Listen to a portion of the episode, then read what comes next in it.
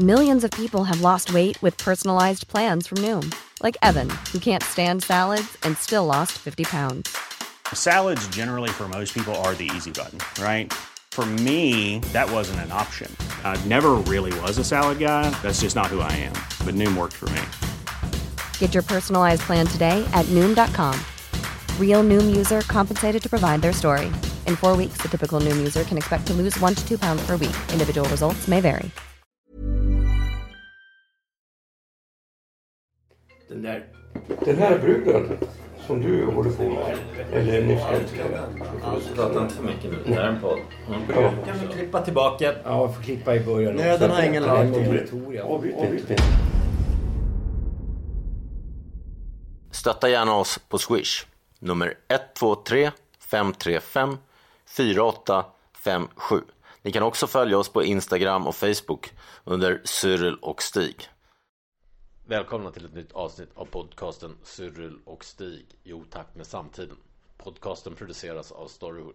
Dagens gäst är journalisten, författaren och dokumentärfilmaren Lars Berge. Lars är aktuell med pocketutgåvan av hyllade reportageboken Vargattacken som utgår från ett dödsfall på Kolmården år 2012. Välkommen säger vi till Lars Berge som är hemma hos mig här på Kungsholmen. Som är aktuell med boken Vargattacken. Eller, eh, som pocket, den släpptes förra året va? Ja. Ja precis, pocketen kom för två veckor sedan. Okej. Jag, Måste säga- jag, jag visste inte så jävla... Jag hade ju sett det på TV och så här va. Men att det var fullt så dramatiskt det hade jag ingen som helst aning om. Det är ju som en thriller det här. Eh, och du blir ju, jag blev ju väldigt... Alltså jag, jag har ju alltid misstänkt att det finns mycket naivitet i förhållande till djur och så. Men att det var fullt så illa det hade jag ingen aning om. Alltså att människor som ändå har kunskaper om, om vargar inte förstår att de är farliga. Utan tror att de är någon form av hundar. Det är ju liksom, det är inte klokt. Ja, men lite bara vargar. Jag tycker det var en väldigt välskriven bok. Att den, den på, har, du läst en, har du läst en journalist som heter David Gran? Han jobbar för New Yorker som har släppt några böcker. Nu kom någon första på svenska tror jag i julas på Modernista.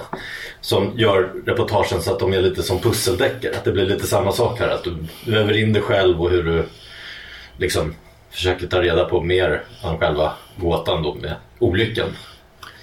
Jag är inte bekant med hans eh, jobb. Jag älskar ju John Krakauer. Så jag Ja visst han är bra också. Ja. Men hon påminner också lite om det här att du Det var en stor En egen besatthet eller vad man ska säga kring någon naturfenomen också. Ja. Som han... Nej men alltså jag har ju alltid eh, inbillat mig att Kolmården var en sån här att det var väldigt schysst att de hade stora ytor, att det inte var som du vet på zoo. Alltså ett av, jag tror att det är mitt allra tidigaste minne faktiskt. Det låter ju som att jag hade läst Rilke redan som fyraåring. Men eh, vi var eh, i Köpenhamn, bilsemester när jag var fyra. Eh, 1959 och då minns jag att jag såg den här leoparden i en liten bur som gick fram och tillbaka. Snöleoparden. Nej, det var ingen snöleopard, det var en vanlig leopard. Men det var så chockerande att se honom i en bur som var, ja, den var kanske dubbelt så stor som han. Alltså det var ju liksom, jag som fyraåring, man hajar ju inte så jävla mycket som fyraåring men så pass mycket hajar jag att det här var ju inte riktigt klokt. Han kan ju inte röra sig nästan. Jag hade med Rilkes dikt i boken. Rätt, ganska långt in i Ja. redigeringen då. Men den... den eh, Vad, vad är det för dikt? Vad heter den? Den handlar om en Den panter. heter Der Panter. Mm.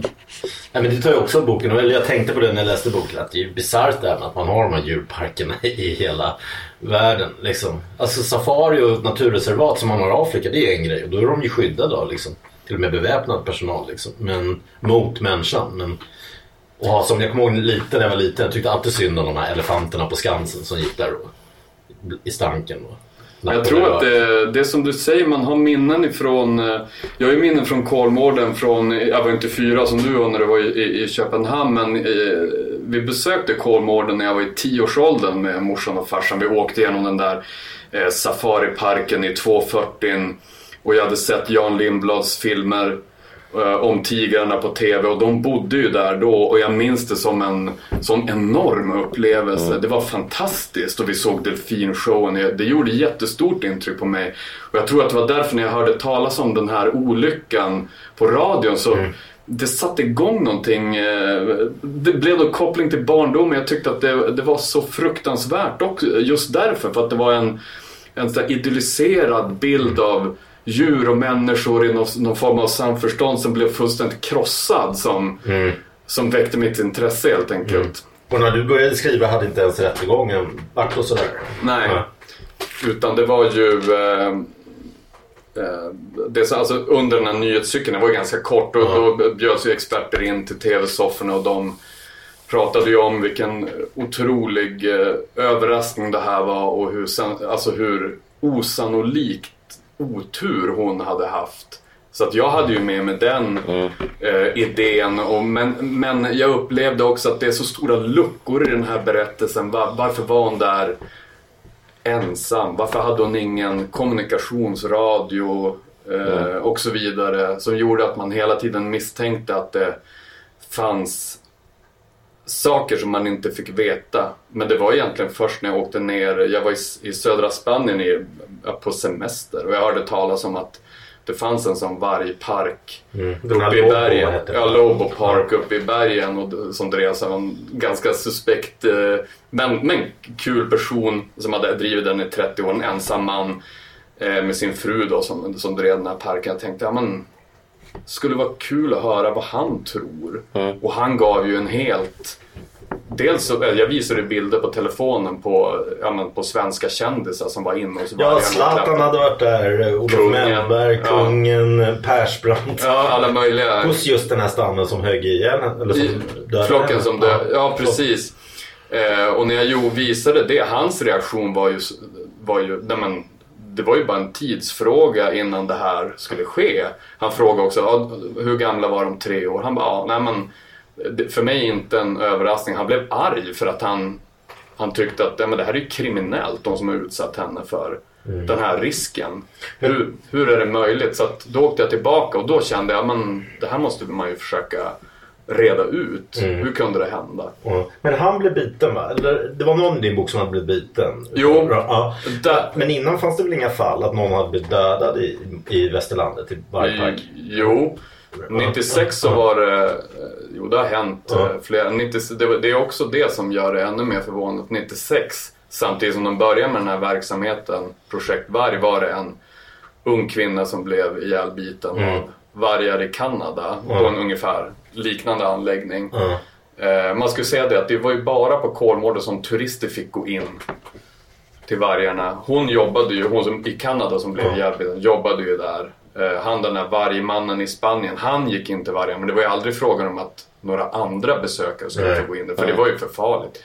Men hon, hon blev ihjälbiten så att, eh, och det måste ju ha varit känt i djurparkskretsar så att säga. Ehm, så att eh, det har hänt. Också pedagogiken de hade. För du skriver ju där att eh, alltså, ett, man, personalen här på Kolmården har, har, har eh, ungefär försökt uppfostra vargarna som man uppfostrar kamphundar. Att du ska liksom sätta respekt i dem. Och, och medan som du skriver då, som inte jag visste att de har tydligen, det är en instinkt hos vargen att döda alfahannen, någon som är över den. Liksom. Att de, skulle de bara haft låga affektivt bemötande typ istället? Eller, liksom. Ja men det var ju någonting de använde på den där eh, den största mest kända vargparken som heter Wolf Park i, i Illinois. De använde ju liksom ett helt annat bemötande men också en helt annan eh, ett helt annat säkerhetstänkande. Där, eh, där fick man ju under inga omständigheter gå in om man var det minsta skadad eller sjuk, alltså förkylning. Kom inte på fråga.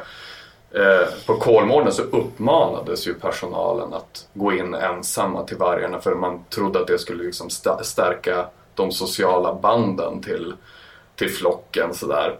Så, och varifrån de har fått det kan man bara spekulera i. Jag tror att eh, det fanns en, en tysk fallskärmsjägare som skrev böcker på 70-talet som levde tillsammans med en vargflock och liksom var en av vargarna. Man hade ju någon dröm på Kolmården som var, gick ut på att man skulle kunna prata vargarnas språk sådär. Och då skulle man också dominera vargarna som vargarna dominerar varandra. Man skulle stirra dem i ögonen, morra, ibland liksom trycka ner dem i marken. Så man försökte ju själv agera som en varg så att säga.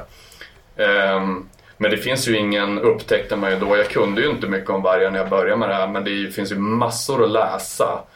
Och börjar man läsa forskningen så, så förstår man att det finns ju inga belägg för det.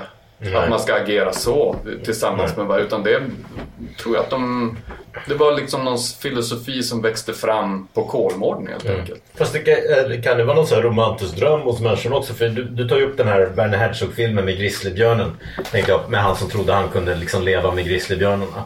Och det slutar ju ändå med att han blev dödad och uppäten. Och jag jag för mig också, Stig sa att det inte var så. Men jag hade för mig att de här på 70-talet det gick filmer om såna här som Ofta var det gamla tanter och kvinnor som levde med lejon och grejer. Nej, men alltså, jag får mig att de blev- också nej, slutade att Nej, lejon hon åt blev upp inte dem till slut. uppäten. Jag har ju sett en film om det. Hon heter Margaret Men det är någon annan sån här som höll på med lejon Nej men hon, det var ju så rörande för han var ju så förtjust i henne. Eh, Och så var det någon, de hade inte sett varandra på, för han, Elsa heter det här lejonet. Ja, lejonet Elsa ja. ja. Och eh, så hade de släppt ut henne och skulle de, eh, eh, hon skulle komma och hälsa på det där lejonet. Och då kommer lejonet, han blir så glad så han ska krama henne. Och du vet alltså, han är ju alltså dubbelt så stor som henne. Så hon flyger ju bara, faller ju rakt ner. Och han står där och kramar henne. Det är verkligen gulligt. Alltså, det finns ju naturligtvis, det, det, ska man inte komma ifrån, en, en dröm om att man skulle kunna vara vän med farliga djur. Va? Eh, jag minns eh, när jag var tillsammans med en spansk tjej, hennes stora syster kille hade en, en, en hund som var blandning mellan en schäfer och en dobermann som hette Lopas just varg. Och, och jag tyckte väldigt mycket om den här hunden och vi tog hand om honom när, när, eh, eller henne när, när de var på semester. Och, och vi brottades ju så här. Jag tryckte ner henne under snön och hon kastades mot min hals. Men alltså folk, eh, ska, ska vi ringa polisen? Nej men vi leker ju. Men det var ju väldigt roligt att känna att du litar så mycket på ett djur. Men det var ju en hund. Det är riktigt intressant det där. Jag minns eh, under rättegången, det var ju först då egentligen när man fick tillgång till eh, förundersökningsprotokollet men också när man såg rättegången och de här olika expertvittnena fick berätta om, om vargen. Det var ju, det var ju en eh, märklig situation när människor skulle så att säga gestalta hur vargarna fungerar i en sån jättestrikt rättegångssal. Det var ett, det i sig ett, ett eh, oerhört märkligt skådespel. Men då minns jag att, eh, att eh, den här vargexperten Olof Liberg fick frågan av åklagaren ifall man kunde lita på en varg. Och han sa någonting i stil med att eh, Ja, men det, ja, han visste ju naturligtvis inte för att vargen lever i en värld fylld av dofter. Det, den uppfattar världen med Ja, det dofter. inte jag innan. Eh, det är liksom så den, den lever. Det, det är så den eh, liksom orienterar sig i tillvaron. Och det hela utmynnade i någon slags Eh, ja men det lät vettigt när han sa det att vi som människor har inte möjligheten att förstå hur ett djur uppfattar världen Men helt kan hon, enkelt. jag vet att hajar till exempel, de är också så. De kan känna en droppe blod på 300 meter. Ja. Men, men kan det vara sånt då att hon hade menstruation eller något sånt? Det var ju en massa spekulationer kring det, men det hade hon inte. Eh, och det var ju spekulationer ifall hon skulle vara gravid. Så var heller inte fallet. Eh, men vad jag menar är någonstans att eh, frågan man måste ställa sig är ju kan Ja men djur kan ju som i fallet med lejonet som du beskriver kan ju eh, ha ett beteende som vi människor tolkar som tillgivenhet och kärlek. Men det är ju omöjligt för oss att veta ifall djuret förnimmer de känslorna. Ja, men man kan väl ändå på något, man ska väl inte vara så här, så här fullständigt, eh, vad ska man kalla det för, agnostisk. Eh, men på något, på något sätt måste man ändå utgå ifrån att de känner igen personen och att de Absolut. blir glada. Ja. Alltså på hundar och katter är ju så tänker jag. Liksom. Mm. där, jag tycker man kanske, alltså, jag tycker jag själv haft ett betydligt rikare känsloliv med både hundar och katter än med många människor. Liksom. Med, medans, och en del kvinnor beskriver det också med hästar och jag har hört den där, att det är någon som har skrivit med elefanten och sånt. Så att det går ju med vissa djur känns det som. Ja, Ja, men det tvivlar jag inte på att det finns en, eh, en eh, connection och, Ja. och att det finns ett, eh, en kommunikation och, och liksom en uppriktig och verklig eh, känsla av till, tillgivenhet från människan till djuret och kanske tvärtom. Det, det tvivlar jag inte en sekund på. Men vi jag tror att vår eh, förmåga att förstå djurets bevekelsegrunder och eh, ehm, alltså varför de beter sig som de gör. Eh, det tror jag inte. Jag tror inte att vi, Jag att vi det förstår. svår, det är svårare än vad vi tror. Exakt. Vi vill gärna tolka in det som ett... Alltså vi tolkar dem som människor. Men glömmer bort då i fallet med varg att de löser ju faktiskt inte konflikter på samma sätt som vi gör. Nej. De- Och sen, sen bara det enkla faktumet att nu röker jag ju så mycket så jag har nästan inget luktsinne alls. Men alltså normala människor om de har ett luktsinne som kanske är låt säga 3% av, av ett djur. Så är det klart att de ser ju verkligheten på ett annat sätt. Och upplever även känslor som någonting rent fysiskt. För sådana saker som stresshormoner, eh, nervositet, det har inte att göra med blickar. Du kan, inte, du kan liksom inte dölja din lukt. Va? När det har att göra med lukter som du inte ens känner själv. Ja, det påstod ju han, eh, Daniel Weigand hette han, mannen där uppe i de spanska bergen, att han kunde se på sina vargar om någon av besökarna led av en svår sjukdom som de kanske inte ens själva Ja, just det. till. Utan de, han, han påstod att han kunde se på djuren att de, för de blev väldigt intresserade av, eh, av individer med defekter. Ja, Så han, han påstår att han kunde se att den där personen eh, har en diagnos av någonting som han kanske inte själv eller hon Ja. vet om. Eh, för att vargarna blir så intresserade. Och det, så var det ju på Kolmården också. Det, de hade ju flera exempel på när det kom in personer i hägnet. Bland annat en, en eh, hörselskadad Just kvinna.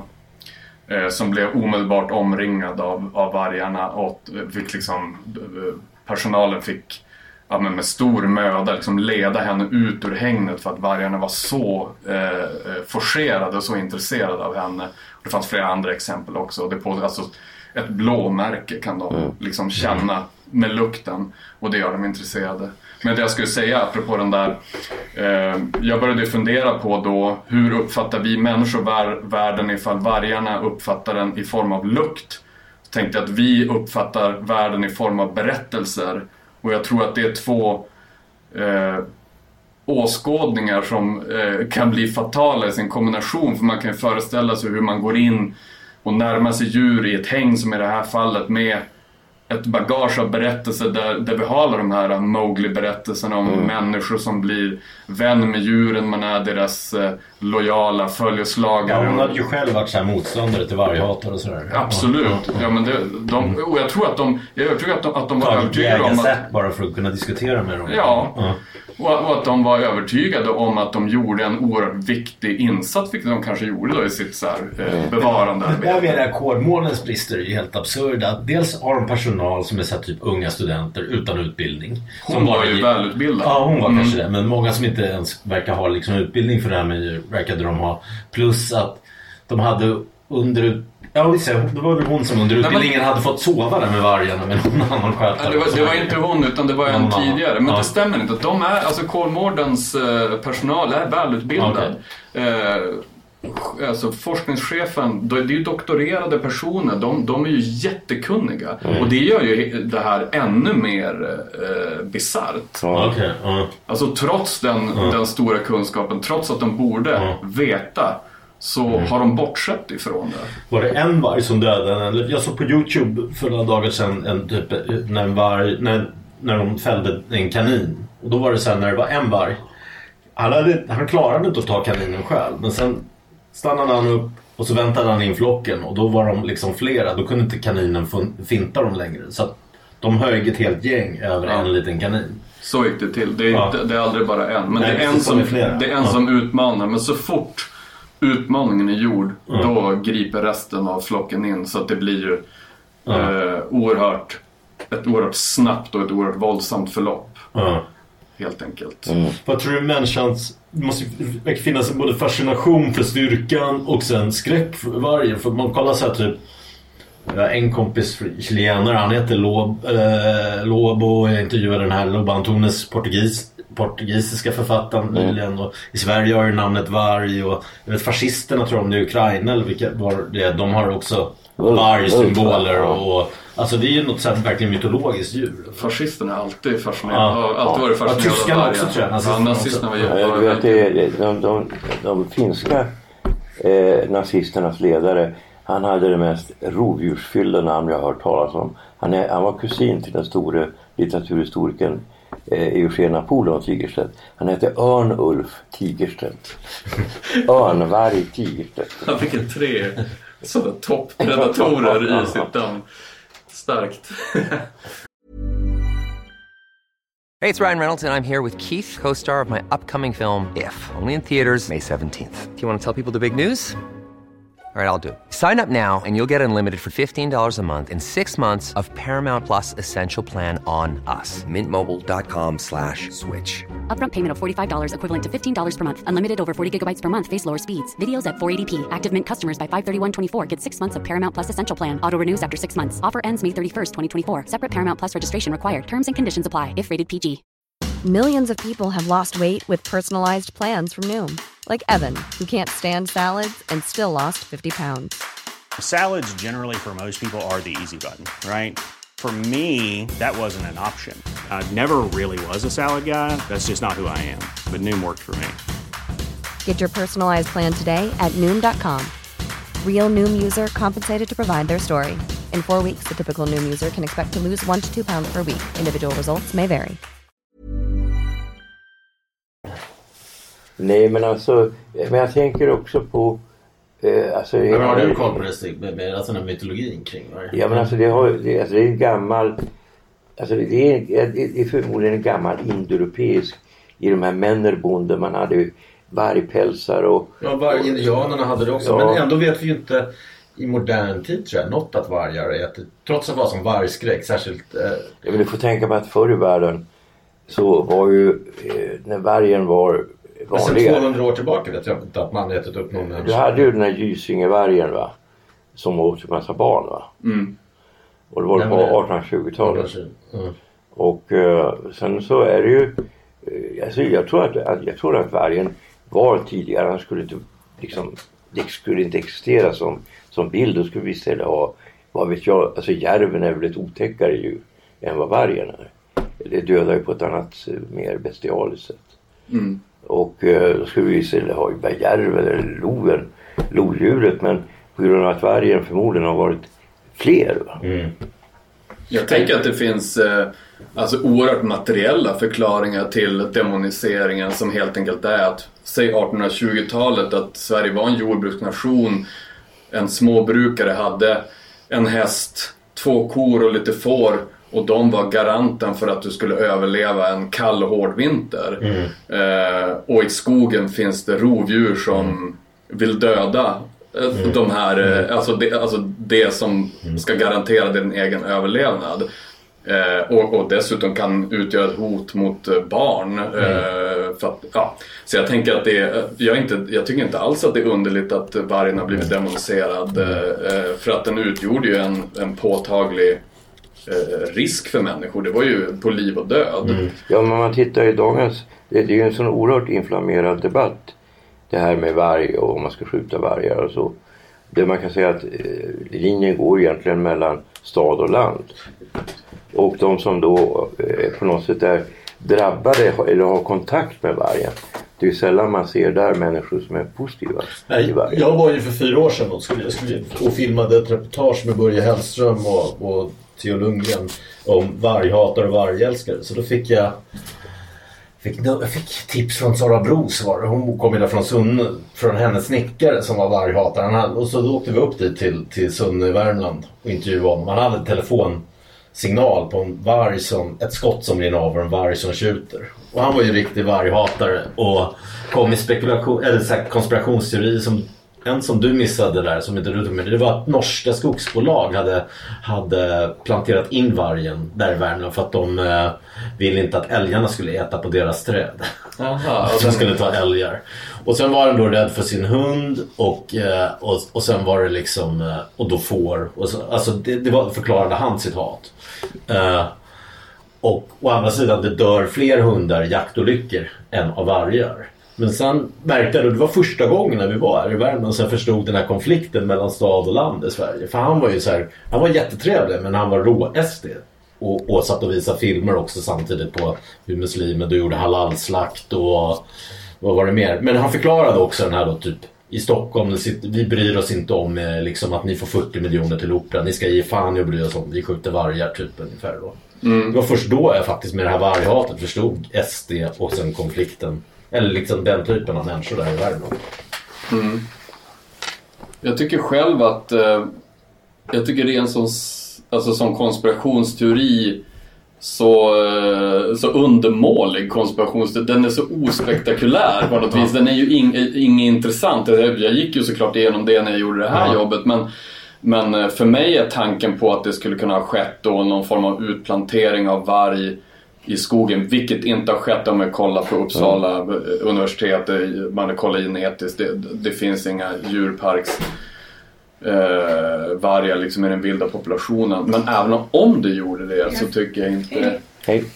att det skulle vara särskilt underligt om du vad jag menar. Om det skulle ha hänt.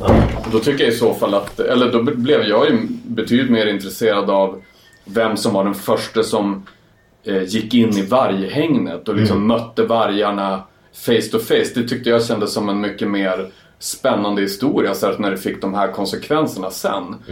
Ehm, så jag vet inte, jag har försökt hålla mig undan den där eh, polariserade vargdebatten. För ja, du, du beskriver den eh, typen av person som, som har ett, ett varghat. Sen har man vargkramarna som liksom kommer från helt andra, andra hållet. Den jag filmade där, vargkramarna, det var en lustig figur också för att han är känd, var känd ledad eh, nazism. Okej. I, I några år äldre än mig. Alltså Mm. från typ 80-90-talsgeneration, unga 80-90-talsgenerationen, skinhead från Eskilstuna. Men sen har han blivit känd, känd i debatten för att han bytte totalt sida sen. Och är nazistmotståndare. Men det är det, däremot han brinner för, då, förutom antinazism så är det det han brinner för varg, vargar då, och älskar vargar på varenda debatt mot varghatare och sådär liksom. Så han, han, hade, han var typ ledare för Sveriges vargälskare då. Ja. Ja men det känns inte 100% eh, balanserat. Jag var nere och träffade en fårbonde i Sörmland som hade fått stora delar av sin fårbesättning eh, slaktad av eh, en, en vargflock på fyra djur som lever mitt i, i de där fåravelsområdena. Och han var ju, tyckte ju att Sverige, han var inte motståndare till varg. Han tyckte att Sverige hade en ytterst rimlig rovdjurspolitik om den efterlevdes av myndigheterna. Vilket jag håller med om. Jag tycker bara 300 vargar låter väl som ett, så- ett sånt här stort land skulle kunna ha. Och han, var, han, han hade inget varghat alls fast han var så drabbad. Men eh, däremot var det ju en omöjlig livssituation för honom och hans familj. De, var ju, de hade ju fått sitt liv krossat av, av det här. Och, och det tror jag man måste ha respekt för och förstå att människor som lever i närheten av vargar eh, får problem om de har djur särskilt. Däremot när jag gjorde det där reportaget kommer jag ihåg, jag vet inte om den siffran kan stämma för den låter så otroligt mycket men typ om du tar forna Jugoslavien, alltså hela Balkanområdet. Där har du, 30, då hade du enligt de uppgifterna jag fick där 30 000 vargar på hela det området och du har inte samma varghat som i Sverige. Där. Okej. Men jag vet inte. Det, det, jag har inte varit där och forskat i det. Nej, det låter ganska mycket men jag vet att du har mycket varg också i Pyrenéerna. Mm. Eh, I norra Spanien. Mm. Och eh, det finns ju vissa områden där du har mycket varg men det är ju inte helt säkert att vargen då ger sig på jag kan inte svara på det men det är inte säkert att de ger sig på tamboskap. Mm. Jag kände när jag gjorde det där, filmade det där reportaget att liksom, vad har människan för rätt att bestämma över naturen, vargen. Liksom. Det är på det sättet. Och bara för att vi jagar älg eller har får. Liksom, också. Men, Ja men herregud, vi är väl människor. Ja. Jag vill inte att vargen ska bestämma över mig om jag får, Nej, om jag får ha ett ord i laget. Alltså. Jag håller med dig Stig. Jag tycker också att eh, det är väl någonstans det som det är att vara människa. Det är att Ja. vi i någon mån har en förmåga att kontrollera delar av naturen. Ja. Sen misslyckas vi ju ständigt med det också. Men, men eh, det är väl det som har fått oss att överleva. Vi är ju Jo, men jag tänker så länge de inte gör något fysiskt hot för människor. Att de inte dödar människor och sånt. Liksom. Ja, De men... dödar lite älgar liksom. För, liksom. Ja, nej, Bara det, för att- det må det vara. Men alltså, jag, jag, jag var ju också, eh, för 1988 så var jag eh, på eh, Rincha, alltså ön bredvid Komodo som man inte får landstiga på. Där de har, har de här komodovaranerna. Och på Komodo så äter de inte upp människor, de får ju mat där. Det är ju en turistattraktion. Men på Rincha så får du inte gå i land där för där äter de upp folk. Och vi skulle då dit och vi hade hyrt och fiskare. Jag tänkte de har ju varit där, det är väl ingen fara. Vi hade fyra fiskare, vi var fyra stycken. Och de är ju rädda för folk också. Det är som om åtta människor kommer så drar sig ur vargen undan. Va? Men när du ser dem, va? du vet de är fyra och en halv meter långa och låter och så här långa ljusgula tungor så blir du ganska skraj. Och Vi bröt oss in i en sån naturvårdsbarack. Va? Eh, och då var de där utanför. Vi hade med oss en get som vi tänkte att de skulle döda. Så till slut så beordrade jag att de skulle skära upp halsen på geten för att de skulle få blodvittring. Va? Men de kom inte fram ändå. De höll sig där i, i, i buskaget. Va?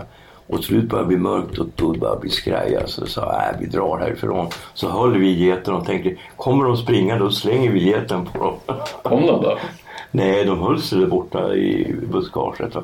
Men de morrar något, det, det låter så jävla läskigt. För de låter precis som drakar gör i, i tecknade filmer. Ja, det är sant. Ja, det låter som en jävla upplevelse alltså. Ja, jag har sett dem där på Discovery. Mm. Ja, de sitter trevligt ut. Ja, men det, det som jag undrar med vargar också, bara så här, hur de fungerar. Som fascinerar mig. Dels för den här grejen. Alltså att de vill döda den som kontrollerar dem. Att utmana alfahannen. Det måste vara jobbigt att vara varg då. Är det så att de liksom. Det låter verkligen oidipus att de vill döda sin egen pappa. Är de beredda det också? Alltså när, när, de, väx, när de har vuxit upp. Jag fick det förklarat för mig av eh, den eh, Liberg att eh, de där rangstriderna i det vilda behöver inte vara så värst dramatiska utan om en flock upptäcker att eh, de upplever att ledarvargen är svag eller att, att eh, flocken skulle fungera bättre med en annan ledare då gör de det klart för den vargen och då har den Eftersom att den inte är inhägnad och de lever på en jättestor yta så har den alla möjligheter att eh, lämna flocken.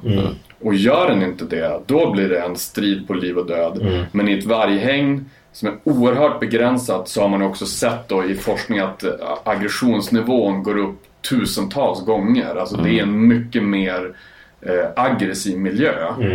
Ehm, så det gör ju också till en mycket farligare miljö. Eh, och man har ju sett att vargar har ju dödat varandra i fångenskap vid åtskilliga tillfällen. Det är ju inget ovanligt beteende. Nej, men jag undrar, alltså det där är något som finns hos människor också. Det finns ju, jag tror att det heter regicida samhällen. Alltså, eh, man har ju hört att i, i Grekland att det var någon, att det har funnits ett tempel och den som är präst där eh, måste vänta att han blir dödad och då blir den Ja, men det är ju- präst. Men det finns afrikanska samhällen fortfarande än idag där det där fungerar. Eh, framförallt i nordvästra Etiopien. Men jag tror med män handlar ofta mer med kvinnor. Så vi har en kompis den här skådespelaren, vi ska inte nämna namnet på honom, som blir helt... Om det är en kvinna i sällskapet så blir han ju helt förbytt och ska liksom hålla på att tuppa sig. Eller, Men, ja, det var han, ja. vet. jag, är jag kan aldrig gå ut om han dricker om jag, även, om jag har min, han vet att jag är tillsammans med tjejen eller någon annan är tillsammans. Så ska han ändå hålla på att tuppa sig om han är berusad och vet och det är Ja, en men kvinna i alltså- sällskapet. nej, men alltså, om, du tänker, ja, för att sådana grejer är ofta urgamla. Va? Och jag bara tänker högt. Alltså tänk om det har varit så hos människor också. Att vi har haft en ledare som sen ska dödas. Va? Och sen den som då dödar den, han blir ledare. Att vi har varit som vargar, det är en tokig idé. Jag fick den nu. Jag skulle vilja lansera den motsatta idén. Som, är, som, som man också har gjort viss eh, forskning kring. Är ju att människan snarare har uppmuntrat och belönat de motsatta beteendena. Alltså typ att man har premierat så här, samarbete, ödmjukhet och gullighet. Typ. Ja, Förstår du? jo, det låter. Ehm, och att man pratar, det är ju så vi har dom, domesticerat vargen en gång i tiden. Vi har ju liksom avlat på de snälla individerna och det går tydligen ganska snabbt genom generationerna. Eh, och det finns ju teorier som handlar om att vi människor också har domesticerat oss själva. Alltså att den typen av beteenden har slagits ut för att de inte är framgångsrika evolutionärt. Om du fattar vad jag menar. Men det är ju intressant. Jag har ingen aning. Men det är Nej. eh, spännande att tänka Ja, eh, men sen är det också det att hunden blev ju domesticerad ändå relativt sent. Men när, när det väl skedde så spreds den väldigt snabbt över världen. Alltså det var ju i Euro, Euro, eh, någonstans i Europa och Asien. va. Men när den kommer till Afrika så, så sker det, och för att det var så viktigt i jakten. Alltså det var, det var två grejer som gjorde att, att jakten förenklades. Det ena var ju då att man hade inte bara spjut, man hade pilbåge. Och att man hade gift på pilarna. Va? Och att man hade hundar. Samtidigt, i- om du tar arabvärlden så är ju hund det fulaste du kan säga till en arab. Själv eller vad det heter. Liksom, Medan i Egypten har du katter till exempel som de dyrkade. Men alltså- och de hade katter i jakt också. Jo men alltså, ja, jag vet inte. Ja. Katter i jakt verkar... Ja, de hade det i Egypten. Alltså nej men hundar var ju... För att då skickar man hunden först på det. Och jag menar, tänk dig själv. Du, du står där med ett litet ynka spjut och det är en lejon framför dig. Så låter han va. Det är inte så jättekul att gå fram till honom. Då skickar vi vår bästa vän istället. Ja, då skickar vi vår gode vän. Ja, men det är som jag tänkte på just det här med utmana med, med ledaren som, som har ihop med det. Om den då blir förskjuten. Jag ty- tyckte att någonstans i boken fick jag äh, äh, intryck av att en, en, liksom, en varg då som är ensam, han kan ansluta till en annan flock. Är de så välkomna? Samtidigt som det låter konstigt också att man är så välkomnande om man är en flock mot en främling. Jag har också sett det. För i måste ju vara eh, flock och någon jagar ihop. Liksom. Men det finns också vargar som lever ensamma. Det finns det? Ja. Okej, ja. Och eh, jag, Ja, mitt, de har ju hört sådana som villar runt och tar sig till Stockholm Ja. nästan. Mm. mitt tips är att en, varg, en strykarvarg inte är välkommen i en annan flock. Men Ja. det, har säkert, det har säkert hänt, det förekommer säkert. De är ju sällan sådär, vi människor vill ju gärna definiera så här. De, de fungerar och beter sig så här och sen finns det alltid massa exempel på när de inte gör det. Eller, Mm. Ehm, men eh, ja. Det verkar ju i, i, i, fallet med den här Kolmården-olyckan så eh, tänker jag att det uppstod någon form av rangstrid och det var ju Förstår man när man läser eh, dokumentationen från Kolmården att det var en varg som precis hade blivit eh, placerad som Omega, alltså så här strykpojken i flocken. Eh, Efter olyckan så var inte den positionen samma. Så man kan ju spekulera i alltså vilka drivkrafter de olika individerna i flocken hade. Och sen var det några av vargarna, de gillade inte människor.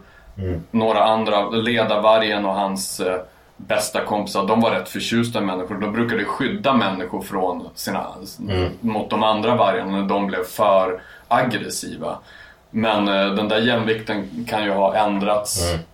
Och de kan tydligen ändras ganska snabbt också. Så att... Ehm, Och vargkvinnorna, vad de för roll? De blir aldrig... Alltså, som lejon tror jag kvinnor kan vara ledare. Eller jag vet inte, det är bara fått för mig. För de är aktiva och jagar och sådär. Men, men Jag tror att du, har- du har träffat mycket feminister. Nej men jag tror att en, var, en, varg, eh, en vargflock är ungefär som en, en eh, vanlig, en vanlig människofamilj. Det är så här mamma och pappa. Eh, De bestämmer och sen är det barnen. Men i det här, de som var inne i det här hängnet var ju ett antal brödrapar. Så det var ju en också i en helt onaturlig flock. Det var ju inga flockar i det vilda som ser ut på det där sättet. Där när, när syskon blir könsmogna då, då undviker de ju varandra. För då vill ju alla skaffa sin egen flock. Ja. Vilket också man kan ju såklart spekulera i om det eh, sp- spelade roll att det var liksom en onaturlig Men hur, sammansättning. hur, vad, vad hände nu efteråt?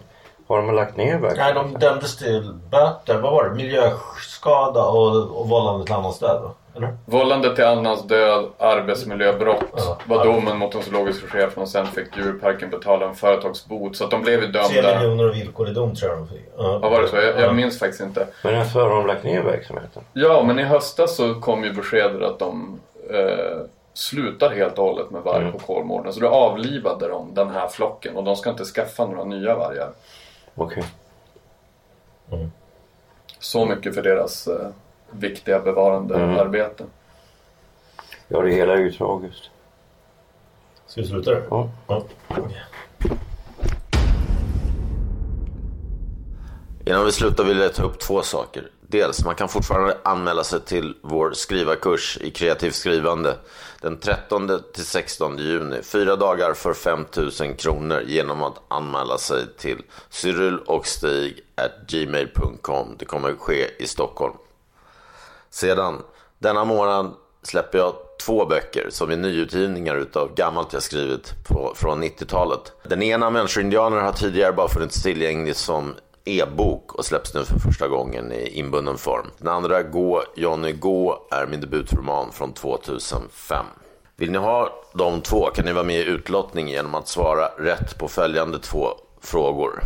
Människor och indianer utspelar sig i Stockholm och två asiatiska länder. Vilka två? 1. Kambodja, Thailand. Kryss. Burma och Bhutan. 2. Indien och Nepal. Fråga 2. Gå Johnny Gå utspelar sig restaurangmiljö i en amerikansk storstad. Vilken? 1. New York. Kryss. San Francisco. 2. Los Angeles. Maila in svaren till Cyril och Stig gmail.com och ni kanske får två utav mina gamla böcker i nytryck.